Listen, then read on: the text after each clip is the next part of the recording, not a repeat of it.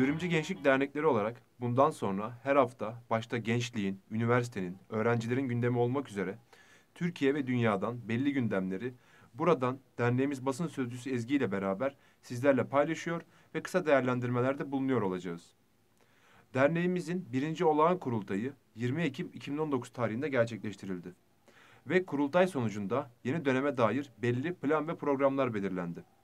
Öncelikle kurultay sürecini özetleyerek başlayalım istersen. Merhaba. Ee, evet senin de ifade ettiğin gibi derneğimizin birinci olan kurultayını 20 Ekim 2019 tarihinde irade, disiplin, cüret her zaman hazır şiarıyla gerçekleştirdik. Bugünün e, örgütlü, hızlı organize olan, uzlaşmaz, devrimci ve kitlesel bir gençlik hareketinin yaratılmasının ön koşulunun mevcut süreci doğru okumak, yorumlamak ve tahlil etmekten geçtiğini biliyoruz. Bu bağlamda kurultaya da öncelikle Türkiye'de ve dünyadaki gençlik hareketi süreçlerini yeniden tahlil ederek başladık. Ve nihayetinde devrimci gençlik mücadelesi tarihinde derneğimizin çabaları, katkısı ve mevcut eksikliklerini değerlendirerek mevcut siyasal tablo ışığında da e, imkan ve kabiliyetlerimizi ele aldık. Ve gençliğin devrimci örgütünün geleceğe ve günün koşullarına uygun şekilde yeniden dizaynı için tartışmalar yürüttük. Ee, AKP'nin giderek saray etrafında daralan iktidar yapısının mevcut durumunu açmazları ve yönetememe krizleriyle de beraber açıkça devrimci bir süreci işaret ettiği bir dönemde gelecek tüm saldırılara ve gelişecek tüm gündemlere dair e, bütün bedelleri de göze alarak her zaman hazır parolası ile olası her duruma bugünden hazır olmayı önümüze koyduk. Kurultayımızın sloganı da aslında e, kurultayımızın sloganında aslında bizim için muhtevası bu. Öte yandan AKP e, bugün hedef tahtasına kadınları, işçileri, yoksulları, toplumun neredeyse tüm kesimlerini, en ufak hak arayışlarını ve en başta gençliği koymuş durumda. Yoksulluk giderek yükseliyor, faşizm baskılarının, saldırılarının mertebesini gittikçe arttırıyor ve bu sömürü, zulüm ve yoksulluk düzeninin gerçek failleri iktidarın geniş propaganda araçlarına ve manipülasyonlarına rağmen toplumun tüm kesimlerinde bir biçimiyle ayyuka çıkmaya da devam ediyor. Hayatı boyunca baskılanmış, e, sömürülmüş, gerici bir tahakkümün altında bırakılmış, bugünü ve yarını yok edilerek geleceksizleştirilmiş, AKP'den öncesini neredeyse hatırlamayan bir genç kuşağın öfkesi de bu duruma bağlı olarak gittikçe büyüyor. Dağınık eylemliklerde, yeri geldiğinde seçim sonuçlarında, üniversitelerin bölünme süreçlerinde ve benzeri pek çok örnekte açıkça görülebilecek bu genç öfkeyi düzen karşısında siyasal bir güç haline getirmenin e, devrimcilerin birincil görevlerinden biri olduğu kanaatindeyiz. Kurultayımız da öncelikle bu göreve uygun dönüşümleri gerçekleştirme ve ihtiyaçlar uyarınca e, gerekli araçları oluşturabilme ihtiyacının da bir ürünü olarak gerçekleştirildi. E, ve bu ihtiyaçların giderilmesi, kitlesel bir gençlik hareketinin bugünden inşasının adımlarının özetlenmesini öngördüğümüz ve gençliğin mücadele programı olarak ele aldığımız dernek programına da son şekli verildi. Kurultaydan hemen sonra sonuç metnimizle beraber yayınladığımız 13 maddelik dernek programı emperyalizme ve faşizme karşı kesintisiz mücadele çabasına uygun mücadele biçimlerinin ortaya konmasını hedeflerken en geniş toplumsal muhalefetin bileşenlerinin demokratik taleplerinin ifade edildiği bir muhtevaya sahip olması için çalışılarak oluşturuldu. E, programa da devrimcigençlikdernekleri.org'dan ulaşılabilir. En nihayetinde sonuç metninde yer verdiğimiz paragraftan da alıntılar yaparak ifade edeyim ki gelecek dönemde ülkemizin uzun yıllardır içinde bulunduğu demokrasi, eşitlik ve adalet krizinin derinleştiği tespiti yapılarak bu tespitten hareketle sürecin bu ana vurgulara yönelik örgütlenmesi gerektiği kararlaştırıldı kurultayda. Bu vurgulara uygun araçların geliştirilmesi ve en geniş gençlik kesimleriyle temas alanlarının oluşturulması da e, yine birincil hedeflerimiz olarak belirlendi gençlerin düşünme, e, düşünceyi açıklama ve örgütlenme hakkı başta olmak üzere mevcut iktidara yönelik her türlü itirazının terör demagoji altın, demagojisi altında ezilmeye çalışılmasına karşı gerçek adaletin ve gerçek demokrasinin savunulması için çalışma yapılmasına karar verildi. Ayrıca geleceksizliğe, güvencesizliğe hapsedilen gençliğin ekonomik baskılar altında bırakılmasına karşı eşitlik talebinin örgütlenmesi ve yine buna uygun yaratıcı araçların geliştirilmesi ve kalıcı çalışmaların oluşturulması kararlaştırılarak da kurultaya son verdi diyerek özetlemiş olayım. Şimdi tüm faaliyetlerimizi hızlandırma, alanlarımızı ve örgütlülüğümüzü genişletme ve çok çalışma zamanı diye cevaplamış olayım. Evet, 6 Kasım gündemine devam edelim. Yarın 12 Eylül faşist darbesinin bir ürünü olan YÖK'ün kuruluşunun 37. yıl dönümü. Saldırı tarihinin yanı sıra YÖK'ün neredeyse tüm görevlerinin AKP'ye devredildiği bir süreçten geçtik çok yakın zamanda. Genel olarak 6 Kasım'ın tarihi, önemi ve bugünün koşullarında muhtevası nedir? 6 E, Kasım'ı bugünün koşullarında değerlendirirken YÖK'ün kuruluşunda kısaca ele almak gerekiyor aslında.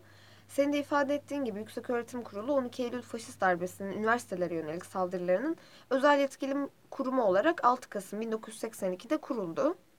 Dünya üzerinde 1970'li yılların ortasından itibaren özellikle askeri darbeler aracılığıyla yayılan neoliberalizmin üniversite içerisindeki yeri de yok eliyle sağlanmış oldu. Bilimsel eğitimin tasfiyesinin önü açıldı, üniversitelerin birer şirket ve kar merkezi haline getirilmesi süreci hızlandırıldı. Polis ve özel güvenlik kuşatması yok süreciyle birlikte ciddi boyutlara ulaştı. En özetle yok üniversiteye yönelik darbe sürecine kadar olan tüm saldırıların niteliğini arttırdı ve iktidarın üniversiteleri sermaye lehine dönüştürme süreçlerinin özel yetkili kurumu haline geldi. Ee, AKP döneminde ise üniversite yönelik saldırılar 12 Eylül karanlığının ürünü olan YÖK'ün yıllardır süren saldırılarının da üstünde ciddi bir mertebe atladı. İktidara geldiği günden bugüne üniversiteye yönelik neoliberal saldırılar AKP tarafından giderek yükseltildi. Üniversitenin piyasaya endeksli dönüşümü ciddi bir hız kazandı. Bunların da ötesinde özellikle barış akademisyenlerinin ihraç süreciyle de başlayan ağır bir fiziki saldırı kuşatması altında bırakıldı üniversiteler e, kolektif düşünme ve üretimin önemli bileşenlerinden olması gereken üniversiteler yarı açık cezaevi dönüştürme gayreti içerisinde bir de polis ve ÖGB ile dolduruldu. Öğrenciler soruşturma, disiplin cezası ve gözaltı süreçleriyle birlikte hareketsiz bırakılmaya çalışıldı. Binlerce öğrenci tutuklandı. Rant ve polan, talan politikaları yakın zamanda da çokça gördüğümüz millet bahçeleri ve benzeri gündemlerle de hız kazandı. Ve böyle sıralayabileceğimiz daha pek çok e, saldırı ile karşı karşıya kaldı öğrenciler. Nihayetinde de başkanlık sistemine geçiş kapsamında ilan edilen e, kanun hükmünde kararnameler ile de YÖK'ün neredeyse tüm yetkileri AKP'ye devredildi. Aslında tam da bu yüzden YÖK'ün yetkisizleştirme süreçleriyle beraber 6 Kasım muhtevasını kaybetmiş gibi gözükse de bizim için tam tersi içerisinde saray rejimine karşı ciddi bir mücadele çağrısı barındırıyor. Hedef tahtasının en ortasına üniversiteyi ve gençliği koyanlara karşı üniversite içerisinden yükselmiş ve yükselecek olan tüm direnişleri kendisinde taşıyor. Bu yüzden ve aslında bu bilinçle 6 Kasım içerisi içerisi boşaltılmış bir takvim eylemliliği olmaktan çıkarıp eşit, parasız, bilimsel ve demokratik üniversite mücadelesinin örgütlenme alanlarını genişleten ve direniş çağrısını büyüten bir yerden görmek, e, buna göre organize etmek gerekiyor. Son olarak dönem açılışından bugüne üniversitelerde epey gündem gelişti. Bu yayınların ana hattında oluşturması adına üniversitenin, gençliğin gündemini dönem açılışından bugüne yaşananları kısaca özetleyip değerlendirerek bitirelim. Dönem açılışından kısa bir süre sonra Silivri merkezli olarak gerçekleşen deprem gündemiyle beraber İstanbul'daki öğrenciler döneme can güvenliği gibi çok temel bir sorunla hızlı bir giriş yaptılar. E, Çapa Diş Hekimliği ve Çapa Tıp, e, İstanbul Üniversitesi Cerrahpaşa Veterinerlik Fakültesi ve Bakırköy'deki Sağlık Bilimleri Fakültesi'nde bulunan binalar depremle beraber ciddi yapısal hasarlar gördüler ve ders işlenemez hale geldiler. E, bölünmeden önce aslında sürece genel anlamda bakacak olursak, bölünmeden önce Türkiye'nin altı bakanlığından bile fazla ödenek alan, şimdi ise yine Türkiye'nin en çok ödenek alan üniversitelerinden biri olan İstanbul Üniversitesi'nde afet acil eylem planı ve dayanıklılık inceleme raporlarının olmadığı, yıllardır bitmek bilmeyen restorasyon ve inşaat çalışmalarına rağmen yüksek riskli binalara dair herhangi bir iyileştirme de yapılmadığı bu deprem gündemiyle birlikte tüm yakıcılığı ve açıklığıyla ortaya çıkmış oldu.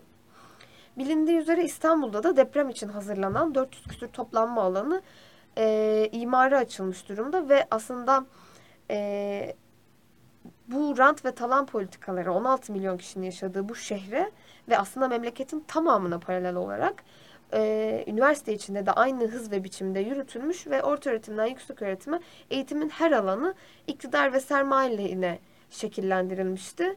Dönem başında yaşanan depremler silsilesiyle de bu dönüşümün olası sonuçlarının can güvenliği gibi çok temel bir kısmını ise e, şehirle beraber kampüslerimizin de mezarlığa dönüşmeye ne kadar yaklaştığıyla birlikte e, görmüş olduk. Tüm yaşananlara rağmen üniversite yönetimlerinin ders işlenemez hale gelen fakülte binalarında hali hazırda öğrenim görmeye devam eden öğrencilerin akıbeti için de herhangi bir pla- planı yoktu. Binaların bir kısmını tahliye dahi etmediler.